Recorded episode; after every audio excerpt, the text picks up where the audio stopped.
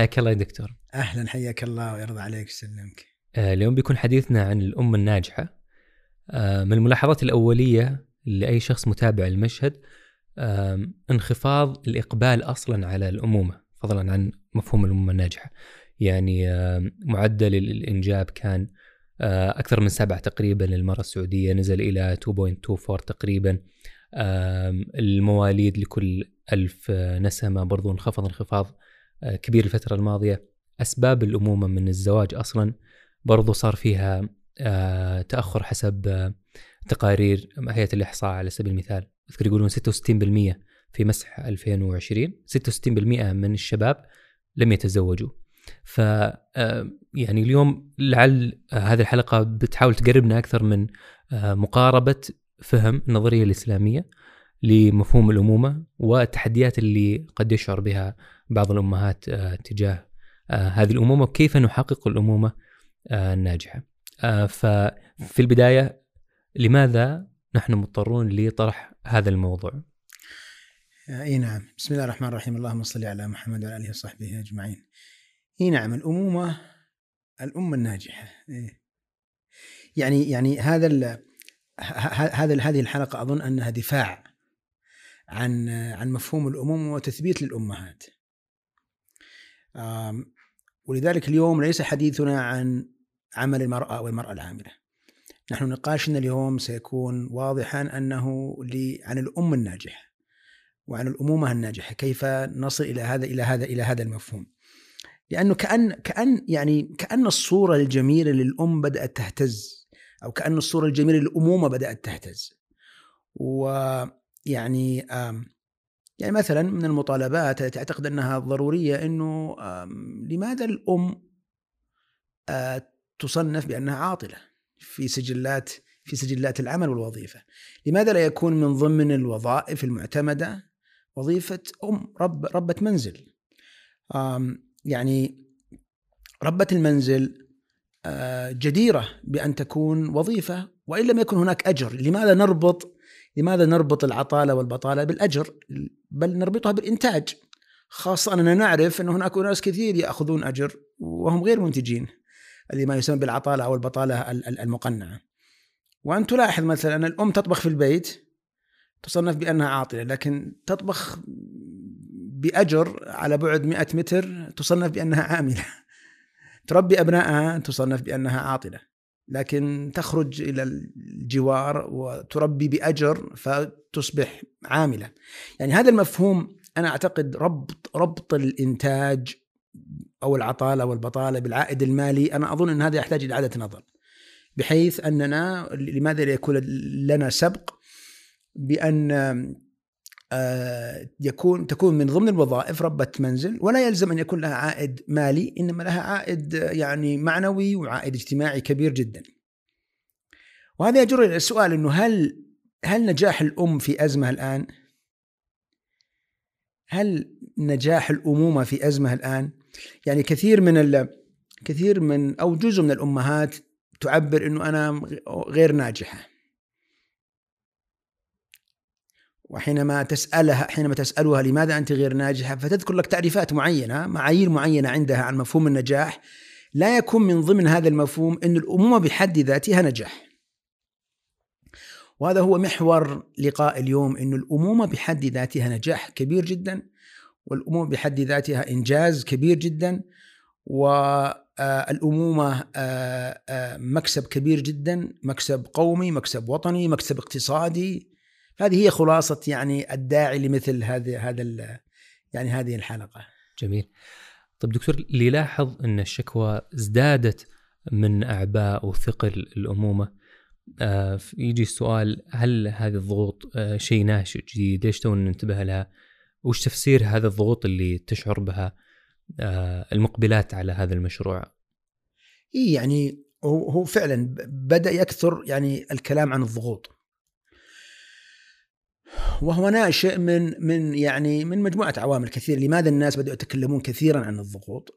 نتكلم عن هذا كثيرا نحن. قلنا ربما يعني له أسباب كثيرة لكن من ضمن الأسباب أسباب آه، طبيعة الحياة الحياة أصبحت م- أعباؤها كثيرة، تفاصيلها كثيرة، التزاماتها كثيرة، توقعاتها كثيرة، سقف المطالب فيها عالي فيصبح الإنسان مرهقا باستمرار حتى في تحصيل حتى في تحصيل السعادة يكون مرهقا.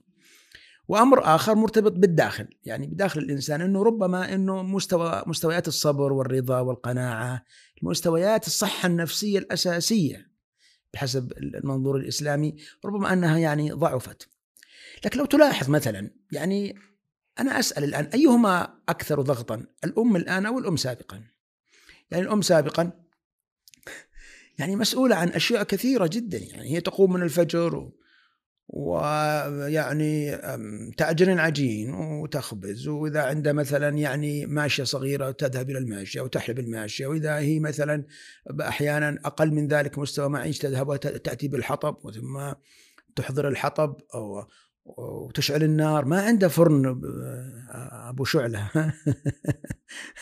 وتضع يعني الموقد وتضع الحطب وتنفخ فيها و... هذا جهد كبير جدا.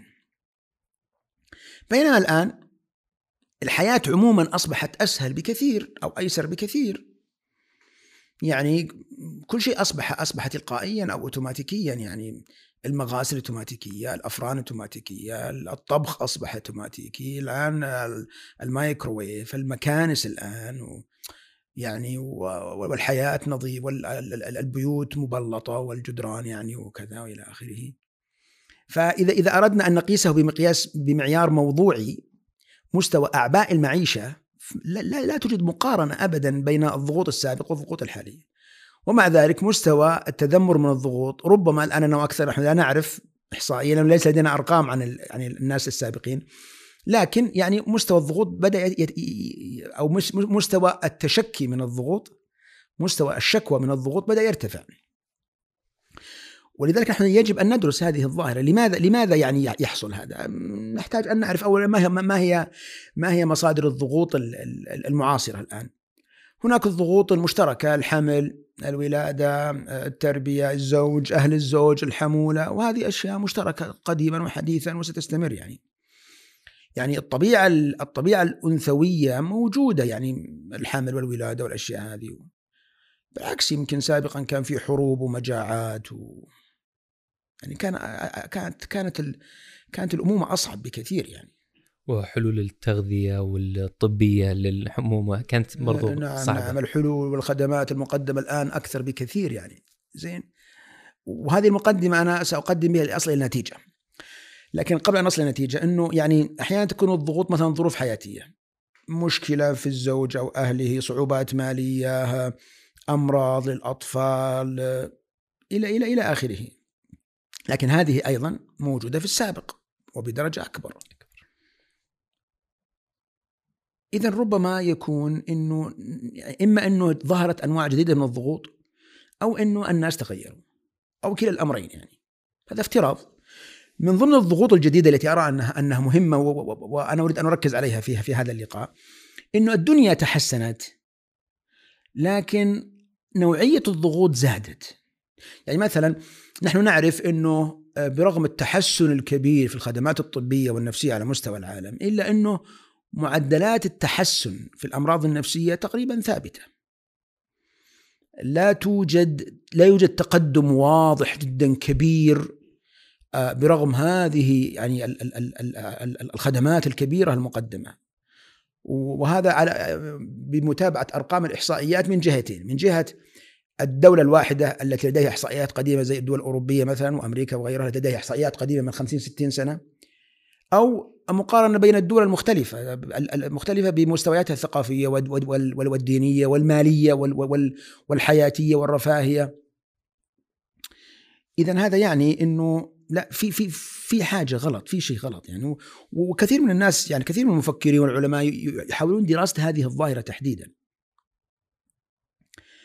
آه ولذلك أنا أرى إنه يعني يجب أن نفهم ما الذي تغير في الحياة بحيث أصبحت الضغوط أكثر ضغطا على على النساء وعلى الناس عموما حتى الرجال بالمناسبة لكن حديثنا اليوم عن النساء.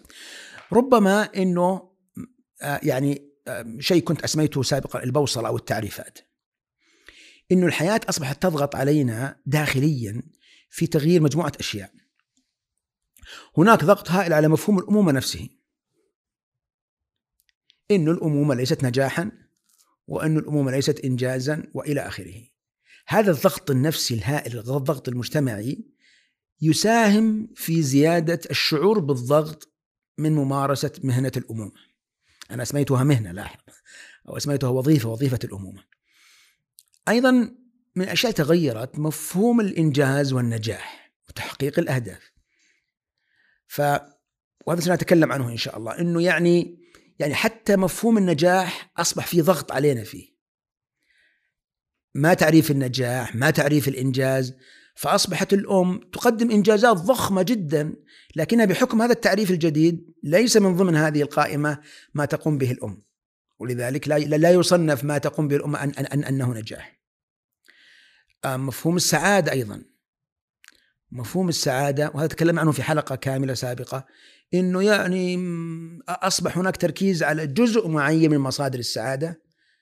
وكنا طالبنا نحن في تلك الحلقة بتوسيع أصلا مفهوم السعادة بحيث يشمل جوانب كثيرة جدا.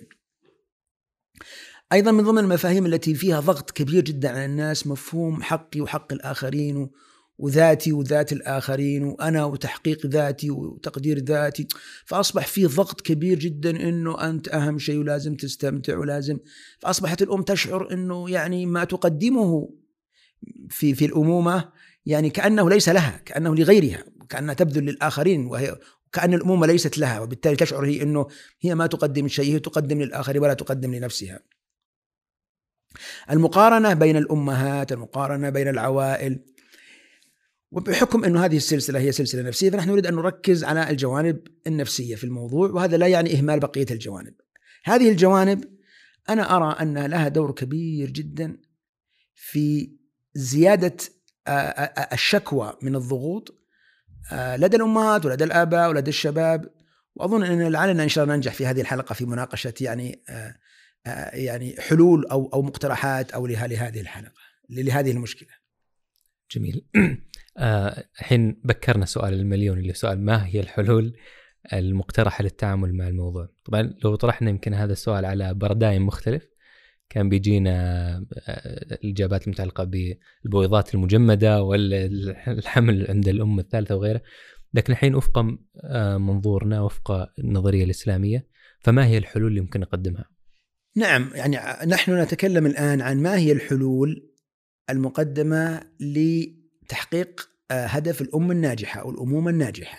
هناك حلول كثيرة لكن أنا سأركز على خمسة خمسة مقترحات. المقترح الأول تقوية البناء النفسي. وهذا هو أحد الأركان الأساسية في النظرية النفسية الشاملة في علم النفس الإسلامي وفي المنظور الإسلامي عموما تقوية البناء النفسي. الثاني آه، آه، تعريف النجاح بنجاح تعريف النجاح تعريفا صحيحا. الثالثة التعريف الصحيح أو الفهم الصحيح للأمومة والزواج والتربية. الرابع كيف نجعل الأمومة مصدر من مصدرا من مصادر السعادة. تحقيق السعادة من الأمومة نفسها. الخامس حسن إدارة العلاقات. لأن الأمومة كما سنتكلم هي تفتح لك باب شبكة جديدة من العلاقات كيف تحسن إدارة هذه العلاقات والسادس التربية بسكينة أسميناه التربية بسكينة فهذه الستة يعني لعلنا إن شاء الله اليوم نستطيع أن يعني آه، نناقشها إن شاء الله. جميل. خلينا نبدأ بتقوية البناء النفسي. قد خصصنا لها يعني حديث سابق لكن الحين وش علاقتها بالأم الناجحة؟ أحسنت. يعني اليوم أعتقد أنه أحد الأمثلة والنماذج التطبيقية لتطبيق ما تكلمنا عنه في البناء النفسي في الحلقة السابقة أنه كيف ما أهمية البناء النفسي لتحقيق الأمومة الناجحة؟ اولا ما معنى تقوية البناء النفسي؟ تكلمنا عنها. وقلنا أن هذه استراتيجية مهمة جدا في في المنظور الإسلامي لبناء النفس السوية السعيدة الناجحة وأن أن الإنسان يشتغل على نفسه وتكلمنا عن خمسة أركان ل يعني كيف يشتغل الإنسان على نفسه وربما يعني آه، نحيل إلى الحلقة حتى ما ما ما, ما نكرر الكلام. لكن باختصار الأم الناجحة بحاجة أن تشتغل على نفسها. آه، أو بالتعبير اللي ذكرناه أكثر من مرة أن تربي نفسها. والشغل على والعمل على النفس أو أو شغل الإنسان على نفسه أو تربية الإنسان نفسه له جوانب كثيرة، أنا أريد أن أركز اليوم على على قضيتين.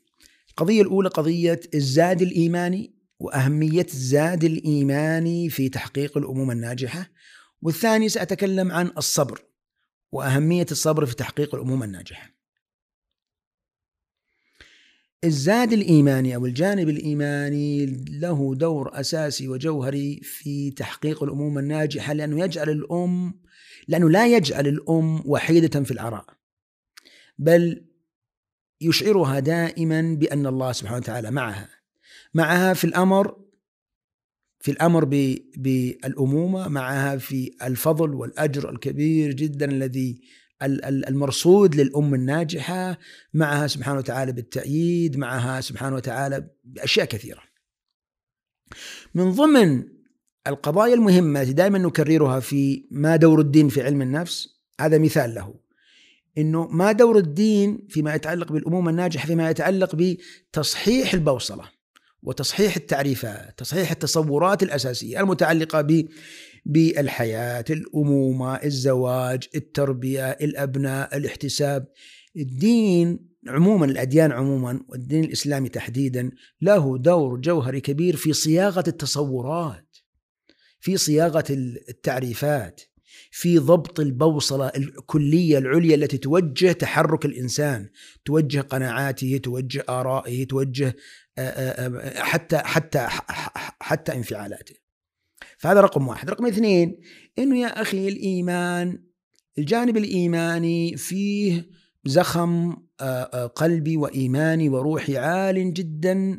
هذه هذا الزخم الكبير أحد الأركان الأساسية في المنظور الإسلامي فيما يتعلق بالنفس إنه النفس الأحوال النفسية ليست فقط هي انفعالات ليست فقط هي المشاعر. هناك أنواع أخرى من ضمنها الجوانب الإيمانية.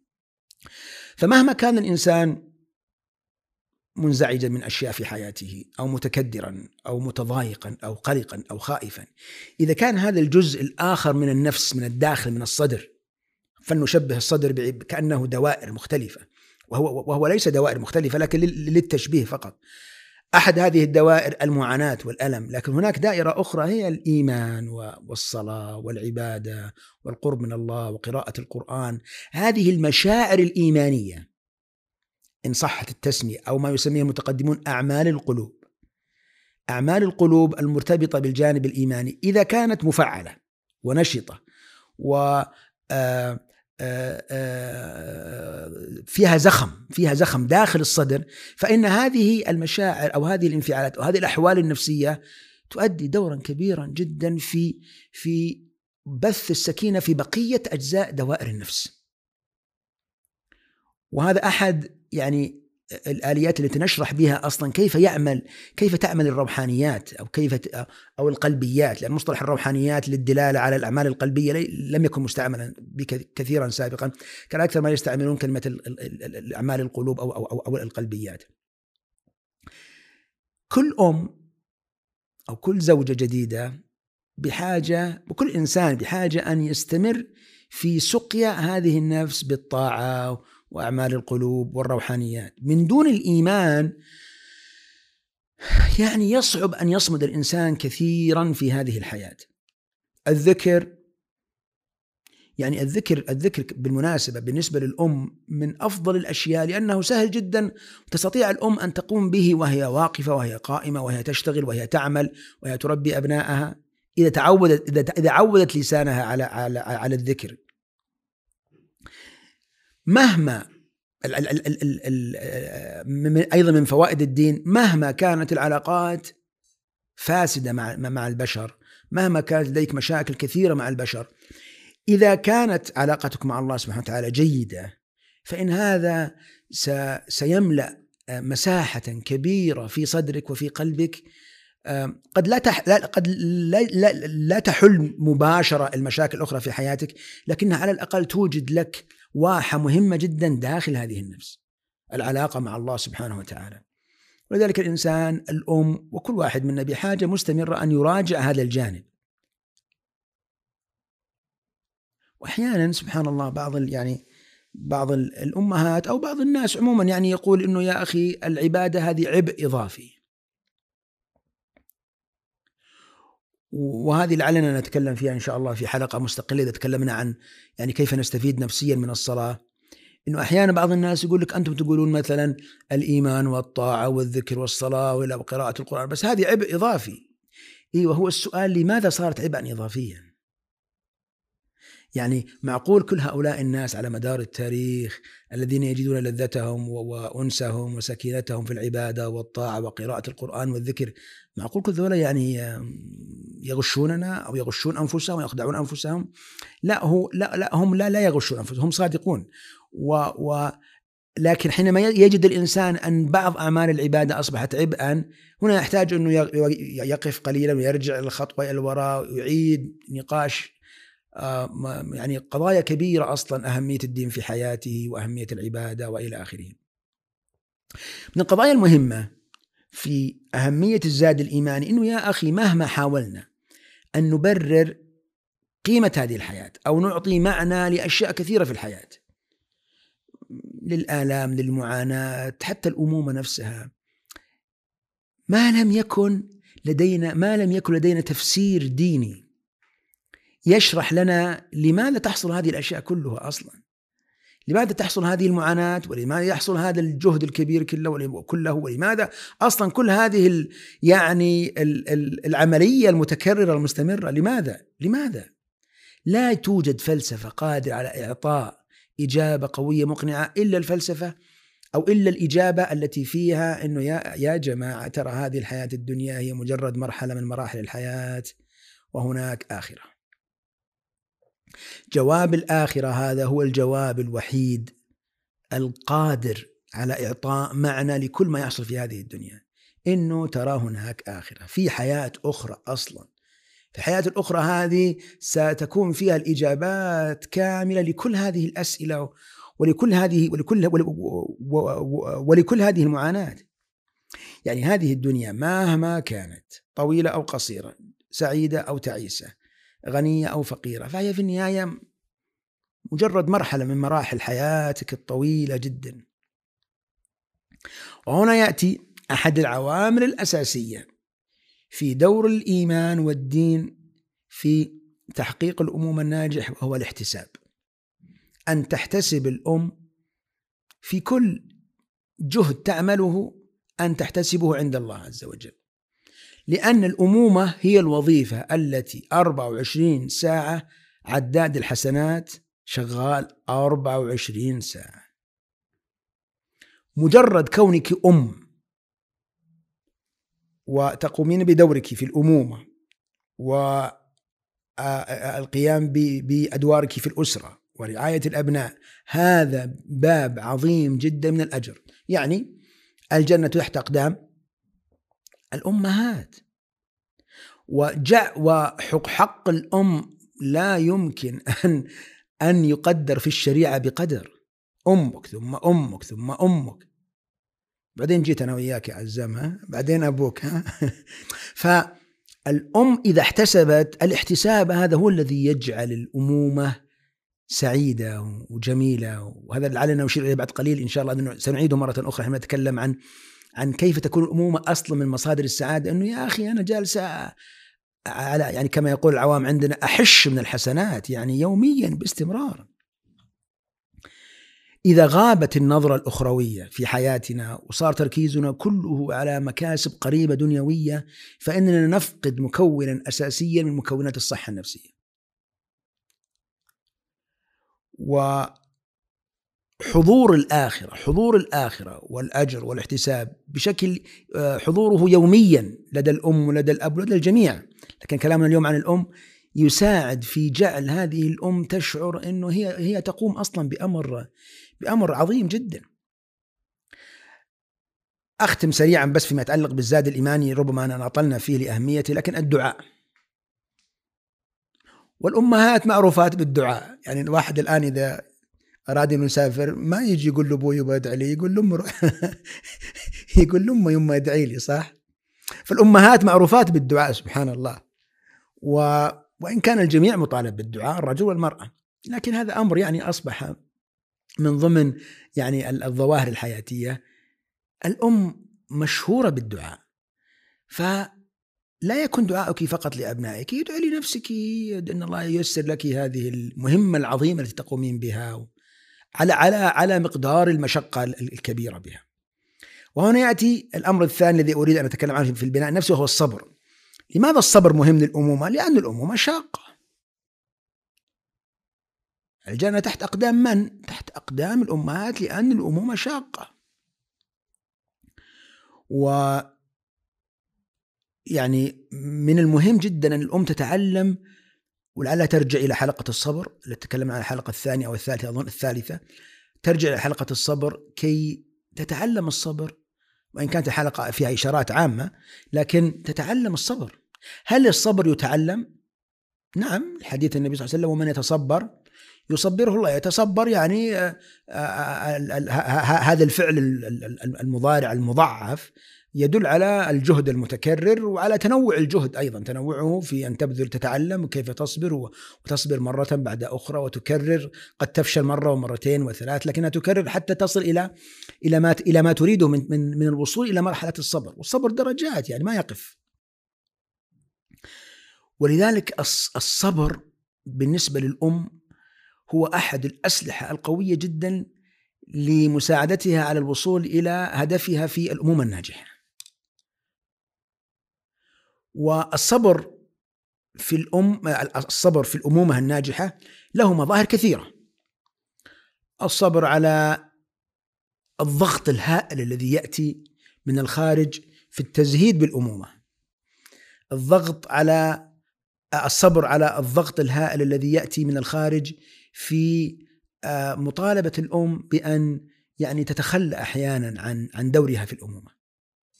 أيضا الصبر مفيد جدا لأن الأم ستعاني ستتألم ستعيش لحظات فيها فيها ألم فيها تعب فيها متابعة للأبناء فيها حرص عليهم فيها قلق عليهم فيها خوف عليهم قصة طويلة عريضة. فهذا يعني يؤكد أهمية الصبر. يعني هذا باختصار فيما يتعلق بالبناء النفسي. أنا ركزت على جزئين منه وإلا يعني هو يعني أطول من ذلك. جميل. آه، إذا ننتقل للحل الثاني اللي هو متعلق بمفهوم النجاح. هل النجاح صعب لدرجة ان إحنا بصدد الحديث عن تعريفه والام الناجحة؟ حزام يعني هل النجاح صعب؟ يعني أنا أظن إنه إنه كثرة الكلام عن النجاح جعل هناك تعريفات كثيرة للنجاح أدت إلى تشتت الناس واصبح كثير من الناس لا يعرف أصلا ما مفهوم النجاح أصلا. ما المفهوم الصحيح للنجاح. وأنا سأبدأ بقصة لزوجتي قديما يعني هذا أول زواجي. حضرت دورة ذاك الوقت كانت البرمجة اللغوية أو حاجة زي كذا. حضرت دورة فكانت المدربة تسألهم آه، آه، عددي نجاحاتك في الحياة؟ أو ما هي المشاريع التي تقوم بها في الحياة. فإما زوجتي أو واحدة أخرى قالت أنه أنا أم وزوجة وأخت و... قالت لا ما يكفي. ما يكفي. لابد يكون هناك نجاحات أخرى. كيف ما يكفي؟ كيف ما يكفي؟ هذا مثال لي وهذا قديم. يعني لاحظ أن المحاولات تغيير مفهوم النجاح قديمة جدا. أنه أنه أصبح مفهوم النجاح مرتبط بصورة نمطية معينة غالبا مادية ووظيفيه وهذا يعني إنه إنه حرمنا قطاع كبير جدا من البشر من من إعطائهم لقب الناجحين لمجرد أنهم لم يحققوا هذا الشرط النمطي الذي هو فيه إشكالات كثيرة أصلا. ولذلك نحن بحاجة أن نذكر مرة أخرى بالتعريف الصحيح للنجاح. هذا كلام ليس للمرأة فقط ليس للأم فقط ولا للمرأة بل هو للرجل بل هو للجميع. يجب أن نعرف جميعا ما تعريف النجاح. لأنه إذا إذا إذا تغير مفهوم النجاح ربما يذهب بك إلى مسار نجاحات خاطئة أصلا يعني وتضيع عمرك في أشياء ربما لا تكون هي هي النجاح الحقيقي. أو أو إنه الخطأ في تعريف النجاح يجعلك تنجح في مجال معين لكنك تفشل في نجاحات أخرى. تفشل في نجاحات أخرى أخرى مهمة. وأيضا قد يكون لديك نجاحات كثيرة في حياتك وهذا واضح في الأمومة. قد يكون لديك نجاحات كثيرة في في حياتك لكن حينما تكون صورة النجاح نمطية معينة بصورة معينة تزهد في النجاحات التي أنت أنجزتها والتي حققتها. فتصبح دائما تشعر أنك غير ناجح وأنك لم تحقق نجاحات لأنه جعلت صورة نمطية محددة زهدتك في هذه الصور من النجاحات الكثيرة التي التي التي التي التي أنت تحققها بالفعل. يعني وما أكثر ما يأتي عندي في العيادة رجال ونساء أنا غير ناجح أنا غير ناجح. وحينما تساله تجد أنه ضحية لمثل هذا الأمر من التنميط للنجاح الذي يحصر النجاح في في صور نمطية معينة. ولذلك يكون دورنا هو توسيع مفهوم النجاح، توسيع دائرة النجاح، بحيث يشعر الإنسان انه أنه فعلا يحقق نجاحات مهمة جدا في حياته. أنت ناجحة. الأم ناجحة. بمجرد أنك أم فأنت ناجحة. بمجرد أنك أم ويعني تربين الأبناء وقائمه الأسرة فأنت ناجحة مهما كانت النتائج. البعض يقول لا هذا شيء عادي عادي لا أنا أريد أكثر أكثر من الأمومة الأمومة هي مثال مهم جدا للنجاح. الأمومة والتربية هي نجاح. وكون الأمومة والتربية نجاح من صور كثيرة جدا. أولا أنه أنت تقومين بوظيفة لا يمكن لأي أحد أن يقوم بها. لا يمكن. كل الوظائف في الدنيا تستطيع أن تبدل الموظفين. إلا الأمومة لا يمكن لغير الأم أن تقوم بهذه الوظيفة. بل إنه لما بدأت حضارات أو ثقافات كثيرة تحاول أن تجعل بدائل للأم من المربيات والحاضنات ودور الحضانة وإلى آخره اختل نظام الأسرة بالكامل. واصلا كثير من النظريات النفسية مثل نظريات التعلق وغيرها هي بدأت في دور رعاية الرعاية دور الرعاية هذه سواء للأيتام أو للرعايه عموما. اذا اذا أن ال ال ال الأم أو الأمومة نجاح من هذا الوجه. الوجه الثاني أن أن الأمومة نجاح لأنه مشروع متجدد مستمر. ما معنى متجدد مستمر؟ يعني الأم تنجب أبناء والأبناء يكبرون ويتزوجون وينجبون أبناء والأبناء يكبرون وينجبون ويتزوجون ويأتون بأبناء. فهذه السلسلة الطويلة هي من أين جاءت؟ من أين بدايتها من أين؟ من أم فهذه الأم هي جزء هي هي جزء من سلسلة طويلة جدا من النجاحات على على مدار البشرية. إذا لم يكن هذا الأمر واضحا في في في ذهن الأم لم يكن هذا الأمر واضحا أنها هي أن الأم بحد ذاتها نجاح ومن صور كثيرة إصلاح الأبناء أليس نجاحا؟ كون الأبناء يخرجون ويكبرون ويكونون أسر ليس هذا نجاحا؟ كون الأبناء يكونون صالحين ليس هذا نجاحا؟ آه الأم ليس فقط هي آه مهمة في نجاحها ليس فقط في ما يتعلق بالجوانب الفردية أبناؤها وأحفادها والسلسلة بل الأم مهمة جدا لأن الأم هي هي هي هي اللبنة الأساسية في تكوين الأسرة. والأسرة هي اللبنة الأساسية في تكوين المجتمع. إذا نجاح الأم هو ليس نجاح فردي لها هي أو لزوجها فقط وليس نجاحا فقط لأبنائها وأحفادها بل هو نجاح للمنظومة الاجتماعية بالكامل. تربية الأبناء مشروع كبير جدا. إذا إذا لم تنظر الأم لهذا المشروع التربوي الضخم الذي تمارسه بأنه مشروع يستحق ما يبذل فيه من وقت وجهد ومشقة فإنها تحرم نفسها من من فهم الأمومة والتربية والنجاح في الأمومة والتربية فهما صحيحا. يا أخي التربية هي هي بناء إنسان بالكامل.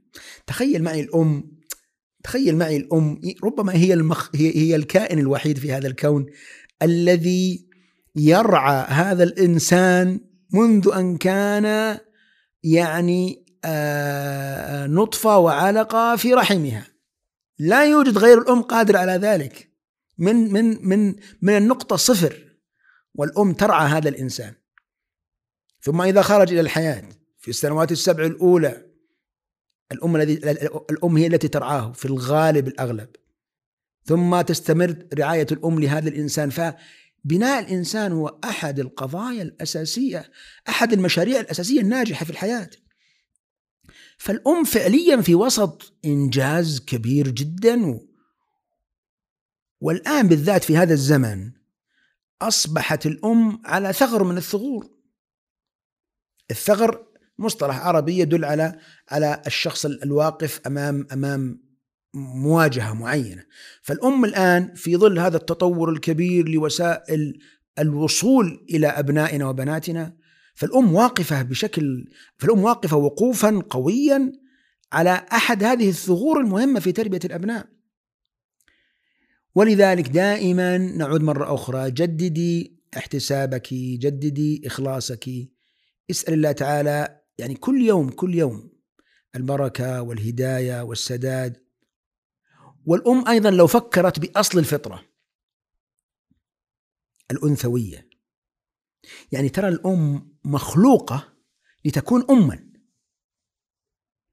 منذ يعني منذ الولادة وهي مخلوقة لتكون أما. وأنا في نظري إنه أحد الأسباب الأساسية في وجود هذه الدورة الشهرية المتكررة على الأم هو تهيئتها لدور الأمومة الكبير العظيم. كل شيء في الأم خلق لتكون أما ناجحة في خلقها. وفي وفي وفي وفي آه، آه، بنيتها وفي أعضاء التي جعلها الله سبحانه وتعالى فيها من الرحم والثدي وأشياء كثيرة في الأم هي مخلوقة لتكون لكي تكون اما ناجحة. يعني الآن من أعظم من أعظم المصائب في الدنيا أن تموت الأم وأن يعيش الأبناء بلا أم وأن يفقد بل هناك نظريات أصلا طويلة عريضة قائمة على فقدان الرعاية الرعاية الحانية في في مراحل السنوات الأولى من الطفولة وبالذات ما يتعلق بالأمومة. إذا مجرد وجود الأم في حياة الأسرة والأبناء هو مهم جدا لدرجة عميقة وكبيرة. ومرة أخرى نحتاج أن نعيد تعريف الإنجاز. الأمومة والتربية إنجاز وهناك أشياء كثيرة في الحياة. هي إنجاز ونجاح. يعني كون الأم محافظة على الصلاة هذا إنجاز. كون الأم تقرأ يوميا من القرآن هذا إنجاز. كان الأم تلتحق ببرامج حفظ القرآن هذا إنجاز. ونجاح. والنج... أه؟ عفوا. إنجاز ونجاح يعني. إنجاز ونجاح. نعم إنجاز ونجاح. قائمة الأعمال التي اليومية التي تستطيع الأم أن تقوم بها وتصنف بأنها إنجاز قائمة طويلة لا تنتهي. المطلوب هو أن نعيد تعريف الإنجاز تعريف النجاح. ثم يأتي النجاح الأكبر. المعيار الأكبر للنجاح هو النجاح في علاقتنا مع الله سبحانه وتعالى. ولذلك يعني إذا جعلت الأم ميزانها هو الشرع والعقل وليس العاطفه وليس الضغط المجتمع فإنها ستدرك أنها تقوم بأمر فيه فضل كبير وفيه أجر كبير وفيه إنجاز كبير وفيه نجاح كبير يعني يمكن هذا أبرز ما يعني أردت الحديث عنه فيما يتعلق بالنجاح ومفهوم النجاح وعلاقته بالأمومة. طيب هل هذا التوسيع في التعريف ممكن يقودنا لإعادة النظر في تعريف الزواج، التربية، الأمومة بشكل عام؟ اي صحيح. صحيح، يعني نحن نحن إذا أردنا أن نصحح تعريف النجاح يجب مباشرة أن نصحح تعريف الأمومة والتربية استعادة القيمة الاجتماعية الكبيرة للزواج والأمومة يعني كأن كأنه ما أدري كأنه بدأت قيمة الزواج وقيمة الأمومة وقيمة التربية كأنها بدأت تقل عند بعض الناس وليس الجميع طبعا. وأنا في ظني أن هذا التقليل من قيمة الأمومة والتربية والزواج يشكل ضغطا هائلا على الأمهات. وهذا ألاحظه في العيادة وفي الاستشارات أنه يعني هذا الضغط الكبير من المجتمع على التقليل من قيمة الزواج عند البعض طبعا وليس عند الجميع من التقليل من قيمة الزواج والأمومة والتربية يشكل ضغطا كبيرا على الأمهات أن تشعر هي أنها لا تمارس شيئا يستحق أو أنها تمارس شيئا أدنى. لا الأمومة أمر كبير جدا. وإذا استطاعت الأم أن تستعيد قيمة الزواج مفهوم الزواج وقيمة الأمومة فإن هذا سيساعدها كثيرا جدا في الداخل من الداخل في تحسين أشياء كثيرة. يعني مثلا الآن تلاحظ أنه يتأخر سن الزواج لدى الرجال ولدى النساء. إذا افترضنا أن أن أن المشكلة ليست من الخارج عدم تقدم الخطاب أو عدم وجود الخاطبين إنه بعض النساء بدأ أو بعض الفتيات بدأ يظهر عندها أصلا اهتزاز في مفهوم الزواج. وأهمية الزواج وليش أتزوج وإلى آخره خاصة إذا كانت تعيش في نعمة وفي معيشة يعني طيبة فهي تشعر إنها ليست بحاجة إلى أن تتزوج زوجا ينفق عليها يعني إذا كان الهدف هو الإنفاق يعني. وهذا معنى الكلام اللي كنا نكرره كثيرا إن الحياة أعطتنا أشياء، الحياة المعاصرة أعطتنا أشياء كثيرة من المدنية والرفاهية لكنها سرقت منا أشياء، من ضمن الأشياء سرقتها منا مثل هذا مثل هذه التعريفات، مثل هذه المفاهيم، مثل هذه الأشياء التي نحن يعني يعني هناك أمهات مثلا تطبق قاعدة عيشي حياتك، عايشه حياتها وعلم نفس الكافيهات وعلم نفس الانفعالات وسفرات وروحات وجيات وما إلى آخره العيال اللي ينجح ينجح اللي يسقط يسقط اللي الغداء تجهز ولا ما تجهز العشاء تصلح ولا ما تصلح يعني إدارة البيت صارت ولا ما صارت. دائما تكرر أنا عايشة حياتي أنا عايشة حياتك. لحظة لحظة. هل أنت عايشة حياتك فعلا؟ هل هذه هي الحياة المطلوب أن تعيشيها؟ الحقيقة أن الحياة جالسة تعيشك وليست أنت تعيشينها. الحياة جالس الحياة تسرق منك أشياء كثيرة جدا. وأنت غير منتبهة أو بالتعبير القرآني في غفلة ما أنت غير منتبهة مدركة أنه أنت في هذا المسار في الحقيقة أنت لا تحققين حياة ذات نوعية جيدة. ولذلك مهم أن أن أن الأم تعرف أو تفهم هي هدفها من الزواج أصلا. هي ماذا تتزوج؟ والهدف من الزواج هو استكمال الفطرة. ما معنى استكمال الفطرة؟ إن الله سبحانه وتعالى خلق في الزو في الرجل والمرأة آه هذه الفطرة في ميل كل واحد منهما للآخر. لحكم كثيرة جدا في هذه الحياة. أن الله خلق في الرجل آه فطرة الأبوة وخلق في الأمة فطرة الأمومة. وخلق في الرجل فطرة الميل إلى, إلى, إلى زوجته وخلق في الزوجة فطرة الميل إلى زوجها. فهذا أمر فطري لا يسأل عنه. مثل مثل كثير من القضايا التي هي أمر فطري مثل لماذا لماذا نحن نعيش أصلا؟ لماذا نأكل؟ لماذا نلبس؟ لماذا ندرس؟ لماذا؟ و يعني من القضايا المهمة جدا في في فيما يتعلق بالأمومة والزواج وهذا وهذا داخل في في باب الزاد الإيماني أهمية تأسيس الأسرة على التقوى. البيوت البيوت المبنية على تقوى الله سبحانه وتعالى من البداية إلى النهاية مختلفة عن البيوت المبنية على أسس أخرى مختلفة. يعني حتى في في شعور السعادة في الاحتساب حينما تحصل المشاكل في العلاقة بين الزوجين التقوى ومخافة الله سبحانه وتعالى. لو تلاحظ في القرآن في الآيات التي جاءت سواء في البقرة أو في النساء أو في غيرها من السور اللي جاء الحديث فيها عن العلاقات الاجتماعية عموما أو توزيع الإرث مثلا أو العلاقات التي آه، بين الزوجين أو بين الأسرة أو بين الأقارب دائما يتكرر موضوع التقوى الإشارة إلى التقوى. أهمية تقوى الله سبحانه وتعالى في بناء العلاقات في بناء الأسرة في استدامة الحياة الزوجية.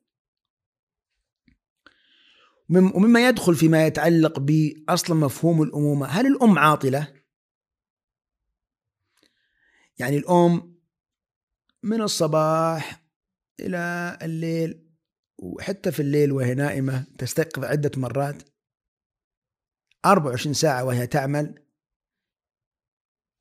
ثم نقول مرة أخرى أنها عاطلة أنا قلت الكلام هذا في البداية وأعيده مرة أخرى لأنه يعني فعلا أنا أظن أنه بحاجة إلى دراسة مرة أخرى من الجهات المسؤولة. إعادة دراسة هذا مقترح أنه ما تصنف الأم بأنها عاطلة.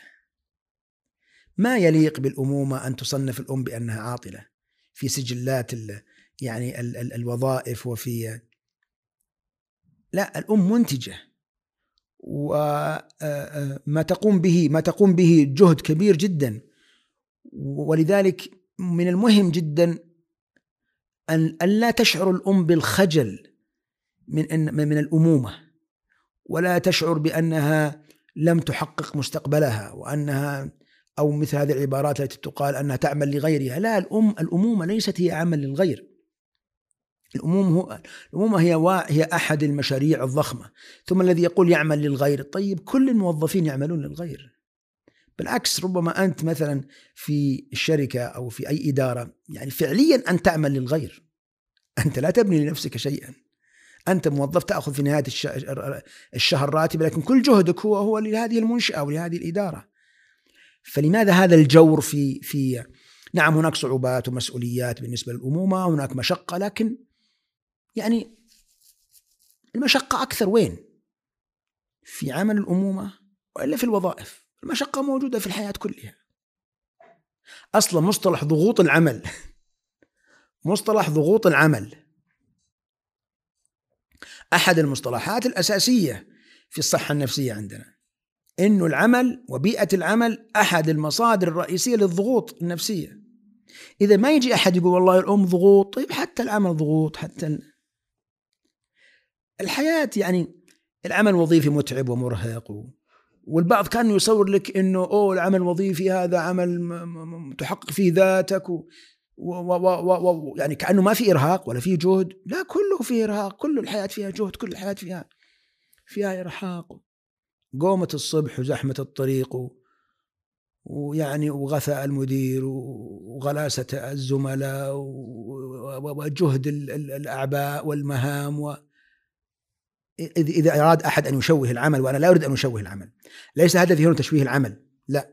إنما هدفي هنا هو الدفاع عن هذه الوظيفة المهمة الرئيسية وهي وهي وظيفة الأمومة. والتأكيد على أنه كل المشاريع القوية كل المشاريع الجبارة كل المشاريع العظيمة هي فيها إنجاز ومشقة وتعب. جميل. ذكرت دكتور أيضا من الحلول آه، جعل الأمومة مصدر للسعادة. هذه كيف ممكن نحققها؟ أي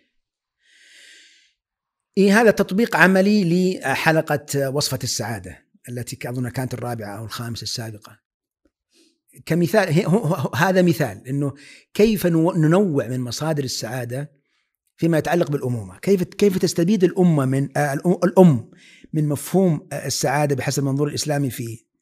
اولا تعريف السعادة نحيله على على الحلقة وهو إنه نعيد نلخص مرة أخرى إنه السعادة مصادرها متنوعة، متعددة، درجاتها متعددة، أزمانها متعددة ومختلفة، ولها أشكال وأنواع كثيرة وليست نوعا واحدا.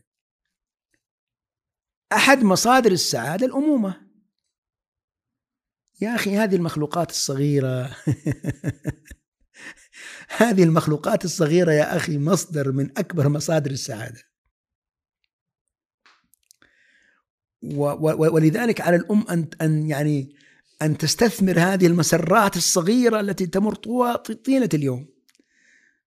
من يعني استيقاظها في الصباح ودغدغتها لأطفالها وابتسامها هي وإياهم وايقاظهم للصلاة ولعبها هي هي وإياهم وتعويدها يعني الأكل لأول مرة وتعويدها الحمام لأول مرة ويعني التعامل مع الأبناء والتعامل مع الأطفال. بل حتى اللحظات العصيبة قد قد تصبح ممتعة. يعني مثلا إذا غضب الابن أو إذا غضبت الأم كيف يكون هذا؟ يصبح مع الوقت ذكريات مضحكة.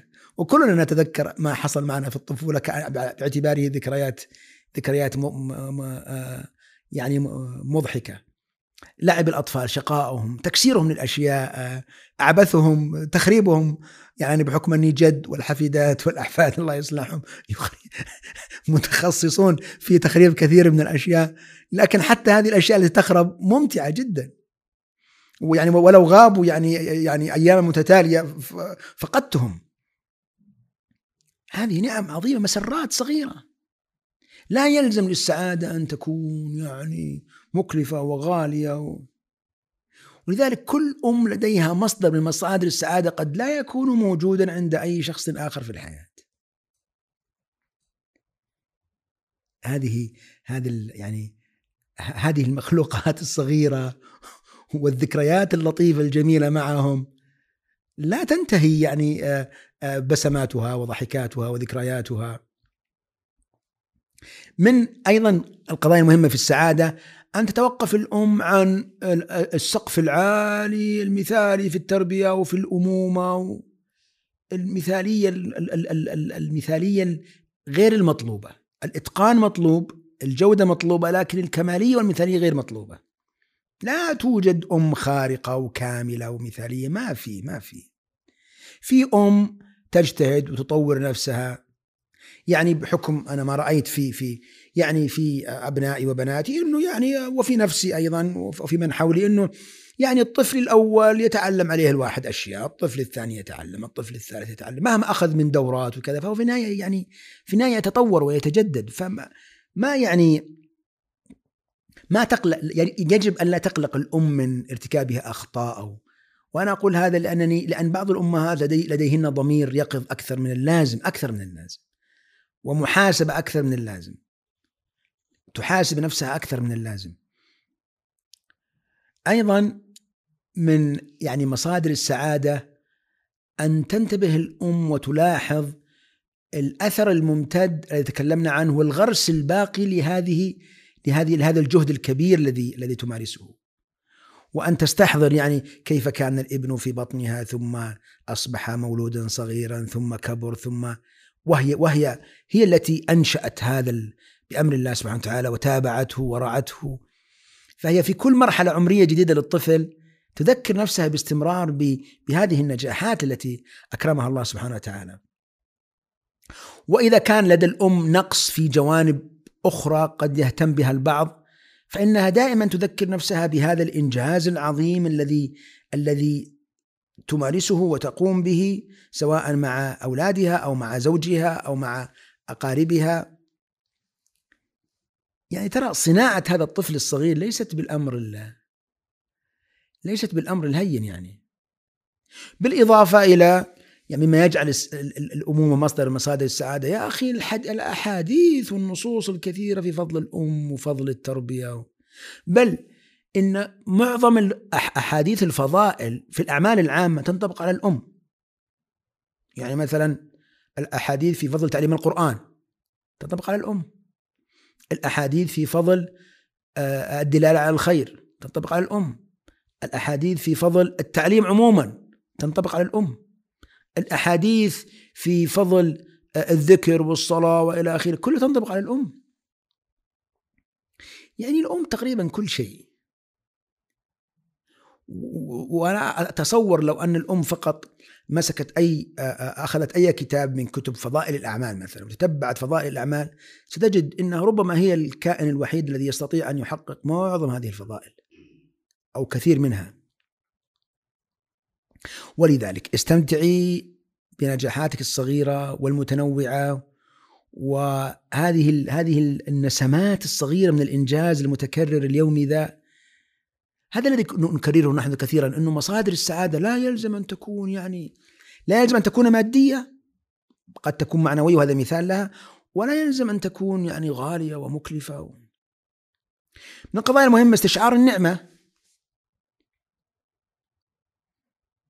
هذه قصة سمعتها قديما لا أدري عن مدى صحتها أنه في إحدى عيادات الإنجاب أو في إحدى عيادات النساء والولادة في إحدى عيادات النساء والولادة. جاءت امرأتان امرأتان كل واحدة منهما تريد أن تحلل للحمل تتأكد هل هي حامل أو لا. نعم في عيادات النساء والولادة. فذهبت الممرضة ثم أحضرت فقالت الأولى الحمل موجب. فانزعجت. وقالت للثانية الحمل سلبي فانزعجت. السبب أنه هذه لديها أبناء كثير فهي لا تريد مزيدا من الأبناء وهذه عقيم ليس عندها أبناء وكانت تنتظر أن يكون يعني ال ال ال تحليل الحمل موجبا لكنه لكنه ظهر سلبيا. استشعري نعمة أن الله تعالى رزقك هذه الذرية. استشعار نعمة البنين والأبناء من النعم. وأنت إذا استشعرت أن أن أن ما أن ما, ما تمارسه أنت هو نعمة أصلا قد حرم كثيرون قد حرمها كثيرون غيرك. حرمها كثيرين غير كثيرون كثيرين. كثير. حرمها عدد كثير من الناس. يعني يعني ولئن شكرتم لأزيدنكم. فإذا كان هذا يعني الشكر والحمد لله سبحانه وتعالى على هذه النعمة وعدم التذمر والتشكي. و...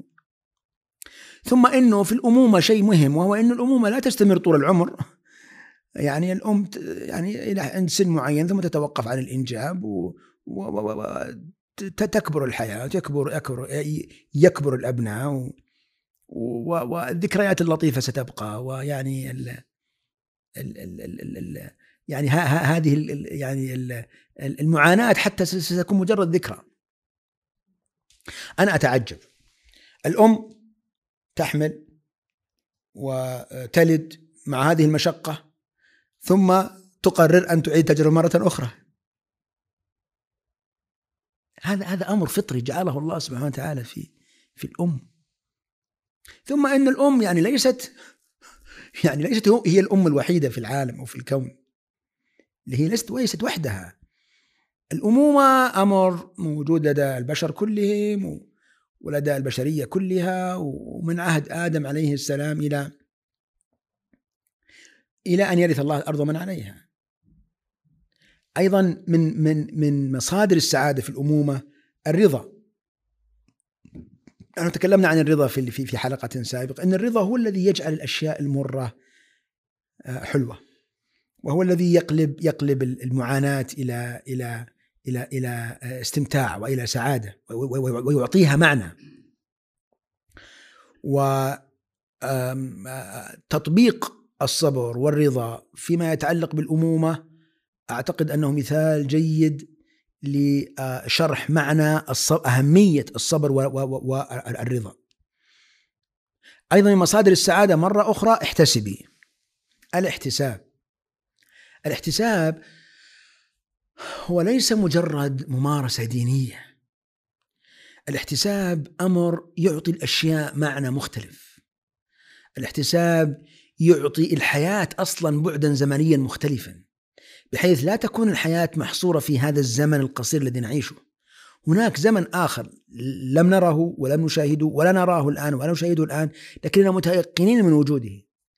فالاحتساب هو أن هو هو هو, هو, هو ممارسة تنقلك من هذا الزمن الضيق الذي تعيش فيه إلى زمن آخر. فيه أولا خلاص من هذه المعاناة وفيه مكافأة على هذا الجهد الذي بذلته وفيه أجر كبير.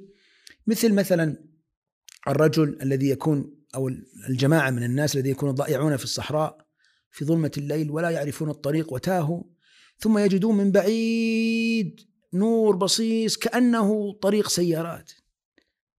مجرد رؤيتهم لهذا النور سيعطيهم املا وبهجة ويعطيهم قوة ونشاط لكي يكملوا بقية الطريق إلى أن يصلوا إلى هذا النور. هذا هذا التشبيه للاحتساب إنه هناك شيء بعيد أن أن تسعى إلى الوصول إليه يحفزك وإن كان بعيدا يعني نحن متيقنون أن هذا الأمر لن يحصل في هذه الدنيا إنما إنما إنما سيحصل بإذن الله في الآخرة.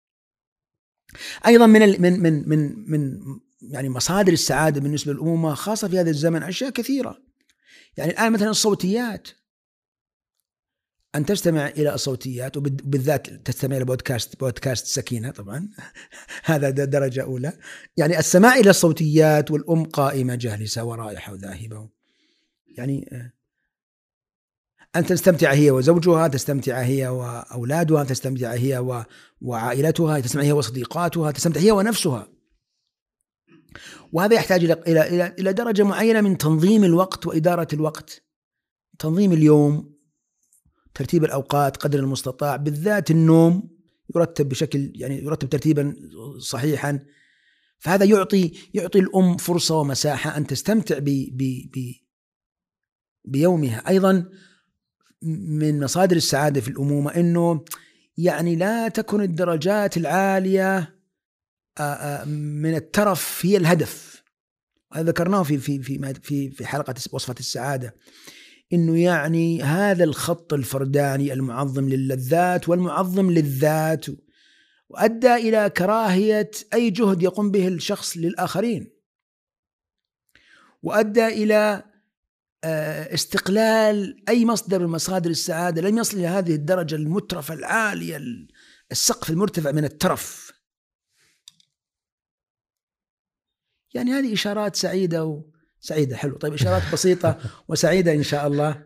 أسأل الله أن يجعلنا وإياكم ويعني المستمعين والمستمعات من السعداء يا رب العالمين. يا رب. آه، تكلمنا دكتور عن مجموعة من العوامل الآن. آه، في عامل متعلق بالتأثير الخارجي اللي هو العلاقات. كيف الام الناجحة تدير علاقاتها بطريقة آه، تصب في زيادة نجاح أمومتها؟ إي نعم العلاقات مهمة لأنه بعد الزواج ستنشأ شبكة جديدة من العلاقات لم تكن موجودة. ستتواصل الام مع أشخاص جدد لم تكن تعرفهم من قبل بداية من الزوج. وأهل الزوج والحمولة والأصهار والأنساب. وأيضا ستبدأ الأم تقيم شبكة علاقات جديدة صداقات جديدة صداقات ما بعد الزواج. عادة يعني صداقات ما بعد الزواج قد تكون أحيانا مختلفة عن صداقات ما قبل الزواج. وهذا الموضوع مهم جدا وأنا تكلمت عنه في أكثر من مناسبة ولذلك لعلي أحيل إلى هذه اللقاءات. مثلا هناك لقاء في لقاءين في تويتر في مساحة في مساحات تويتر. أحدهما آه، كيف نجعل علاقات كيف نجعل علاقاتنا في أفضل أحوالها والآخر كيف نتعامل مع المؤذي. ولعلنا إن شاء الله قبل رمضان بإذن الله تعالى سنقيم أيضا يعني سنجعل واحدة من حلقات البودكاست عن العلاقات. فنحيل إلى هذه إلى إلى إلى هذه هذا البرنامج حتى لا يطول بنا الوقت اليوم لكني أريد أن أشير إلى يعني قضية واحدة فقط متعلقة بالعلاقات وهي ما يمكن أن نسميه بالمعارك العبثية في العلاقات. يعني لا تجعل الأم أو أو الزوج أو أي أحد لا يجعل لكن كلامنا اليوم عن الأم حياتها الجديده أو مرحلتها الجديده في الحياة سببا لمعارك عبثية كثيرة أكثرها صغير وتافه. القاعدة أن الانسان على الإنسان ان يختار معاركه بعناية شديدة جدا في هذه الحياة. ماذا أقصد بهذا؟ يعني لا داعي لأن تنشئ جبهات كثيرة عليك. حاول أن تقلل من الجبهات التي تريد أن تقاتل فيها إذا كان يلزم يلزمك أن تقاتل في في في هذه الجبهات أصلا. ولذلك يقولون فلان عاقل أو فلان عاقل وفلانه عاقلة ما معنى هذا يعني؟ يعني أن عقله يغلب انفعالاته إيمانه يغلب شهواته عدله يغلب ظلمه رفقه تغلب قسو آه، آه، تغلب يغلب قسوته صبره يغلب جزعه. رضاه يغلب سخطه حكمته تغلب تهوره. وكثير من قضايا العلاقات هي مبنية على يعني حسن إدارة الغضب وقت العلاقة وحسن تقييم آه، الموقف بشكل جيد متى تدخل ومتى تنسحب وماذا تقول وماذا لا تقول. وهي أشياء بسيطة في كتابتها لكنها في غاية الصعوبة في تطبيقها. ولذلك الحديث قال كأنما تسفهم المل. المل هو الرماد الحار يعني أن أن أن يعني إقامة العلاقات تحتاج إلى قدر كبير جدا من الحكمة والهدوء والعقل وليس الانفعالات والغضب والثورة وما أكثر ما حصلت مشاكل كثيرة في الحياة الزوجية بين الزوجين أو بين الأم وأبنائها وهذا أحد أصول العلاقات أو بين الأم و يعني أهل الزوج بسبب الغضب والانفعالات و... لكن لعلنا بإذن الله يعني نخصص حلقة كام حلقة كاملة للحديث عن عن العلاقات. جميل. آه، في موضوع التربية بالسكينة آه، كيف نحققها؟ إيه يعني يعني هو الداعي لهذا الكلام إنه قضية التربية بسكينة هو إنه يعني كأن بعض الأمهات تربي ب يعني بعنف كأنها مشتطة في التربية. ما أدري مشتطة هذه كيف نترجمها لغة يعني لكنها كأنها يعني متوفزة ومتحفزة و... لا التربية بسكينة. أصلا مفهوم السكينة أحد المفاهيم الأساسية في في النظرية النفسية الشاملة في علم النفس الإسلامي. ولها تطبيقات كثيرة جدا في سكينة الانفعالات سكينة التربية سكينة العلاقات. والتربية ممكن تكون سلسلة من المعارك الصغيرة التي لا تنتهي. معركة في التوكيل معركة في التلبيس ومعركة في التنويم ومعركة في المذاكرة ومعركة في الإيقاظ للصلوات ومعركة في الإيقاظ للدراسة. وممكن ومن الممكن أن تتم جميع هذه العمليات بهدوء وسكينة. كلما كانت الأم ساكنة والأب ساكن هادئ ويكبر في عينك الرجل وتكبر في عينك المرأة التي مهما احتد الموقف فهي هادئة وساكنة. والناس يعني يقدرون هذا لها يقدرون لها عقلها و وللرجل أيضا يعني الرجل أو المرأة الذي صوته مرتفع وانفعالي وغاضب دائما يصنف عند الناس بأنه يعني أقل من الذي يضبط انفعالاتهم كيف تربي الأم بسكينة؟ هو برنامج يعني برنامج متكامل لكنه يدور حول يعني ضبط الانفعالات. ضبط الانفعالات أثناء التربية. يدور حول خفض سقف التوقعات. لا يلزم أن تتم الأمور كلها بدرجة عالية جدا من الكمالية. آه، ويلزم إعادة تعريف إعادة أو الصياغة الصحيحة لكثير من من التعريفات. الحياة الوردية يعني كثير من الأمهات تظن إنه التربية هي أن تخرج يعني نسخا كربونية من المكتوب في الكتب. أو إنه الاباء الأبناء يجب أن يكونوا نسخة من آبائهم وامهاتهم لا لا هي التربية هي محاولة صناعة هذا الإنسان بأقصى قدر ممكن بما يتناسب مع إمكانياته وقدراته وظروفه. قدر ما تستطيع. و يعني موضوع موضوع التربية بسكينة أنا أظن انه أنه يستحق أن تفرد له حلقة كاملة سواء فيما يتعلق ببيان كيفية ضبط الانفعالات. وش رأيك يعني لو نجعل الحلقة القادمة هي حلقة كاملة عن سكينة الانفعالات؟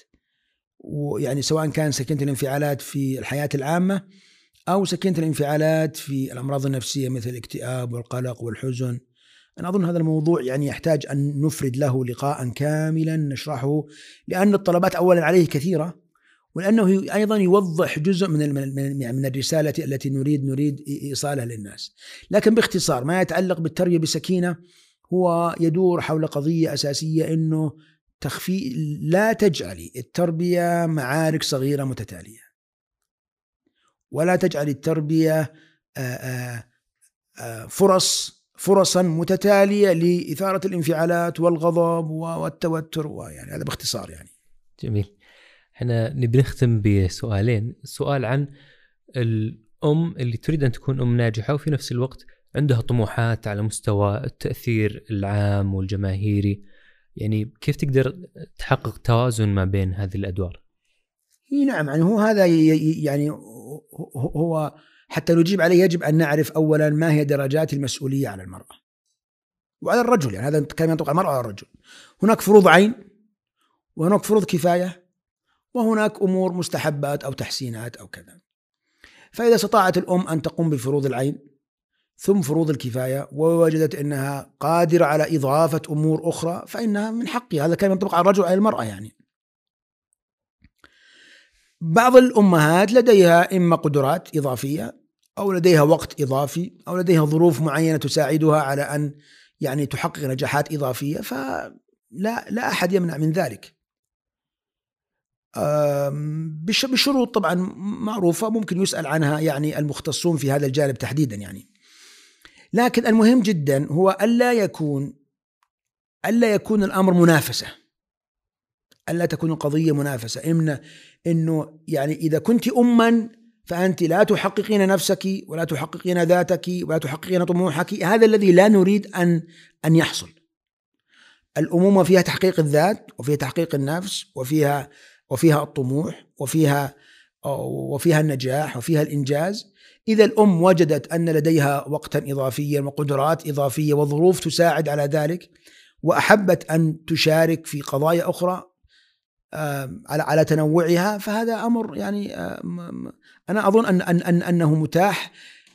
لكن المهم مرة أخرى وهذا هو الهدف الأساسي من هذه الحلقة المهم إنه لا يجب أن لا يكون هذا منافسا للدور أو اعتباره. منافسة دور الأمومة أو اعتباره درجة أعلى من درجات من من, من درجات الأمومة. بمعنى إنه يعني الأمومة التربية آه إدارة الأسرة التبعل للزوج كل هذه الأمور آه حسن العشرة مع بين الزوجين كل هذه الأمور آه هي من من الأهداف والإنجازات ويجب علينا أن نحذر من مثل هذه المصطلحات إنه عيشي حياتك وكوني مستقلة على اعتبار أنها منافسة ومضادة لمفهوم لمفهوم الأمومة. آه جميل، أشرت الدكتور في منتصف الحلقة تقريبا إلى أن الكثير من الأمهات يعانون من آه خلينا نقول فرط ضمير أو إحساس عالي بالذنب. فكيف تتعامل الأم الناجحة مع هذا الشعور؟ اي يعني هو هو هو شعور الأم بالتقصير سبحان الله كأنه يعني كأنه مغروس في الأم يعني كأن الأم يعني يعني تشعر أنها مقصرة وكذا ويعني يتكرر هذا كثيرا وأنا أظن إن هذا يدل على حرص الأم على يعني حرص حرصها على يعني أن تقوم بواجبها شعورها بإحساسها بأهمية هذا وإدراكها لأهمية هذا هذا هذا هذا هذه الوظيفة العظيمة التي تقوم بها. فهذا أمر طبيعي. لكن الحل هو في الرجوع إلى التعريفات الصحيحة للأشياء والمعايير الصحيحة للأشياء وعدم التكلف وعدم رفع سقف التوقعات وعدم رفع سقف المطالبات. ودائما طرفي قصد الأمور ذميم يعني لدينا الأمهات المهملات التي يعني أمهات الكافيهات والأسواق والسفرات والإهمال الشديد جدا للأبناء والتربية والبيت والأسرة. ولدينا الأمهات المبالغات في في يعني طلب الكمال وطلب المثالية. لا الحل هو في الوسط. الحل هو في في آه، يعني آه، آه، التوسط. وهذا يجر إلى نقطة ربما تذكرتها الآن أنه يعني يعني التعليم التعليم أحد القضايا أحد الوظائف الأساسية للتعليم هو أن يخرج انسانا ناجحا سويا سليما ولذلك يجب أن يركز تعليم الجيل سواء الأبناء أو البنات على إخراجهم يعني ازواجا صالحين وزوجات صالحات، آباء صالحين وأمهات صالحات وليس فقط موظفين صالحين وموظفات صالحات. يجب ان أن يكون التعليم يساهم في هذا آه، سواء كان التعليم العام أو التعليم أو التعليم يعني آه، آه، الخاص أقصد التعليم الخاص التعليم الذاتي الفردي الذي الذي يعلم الإنسان فيه فيه فيه نفسه.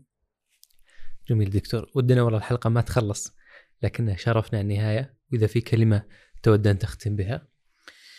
كلمة أختم بها والله يعني أنا أريد فقط أن أن تجمع الأم النصوص في فضل الأمهات.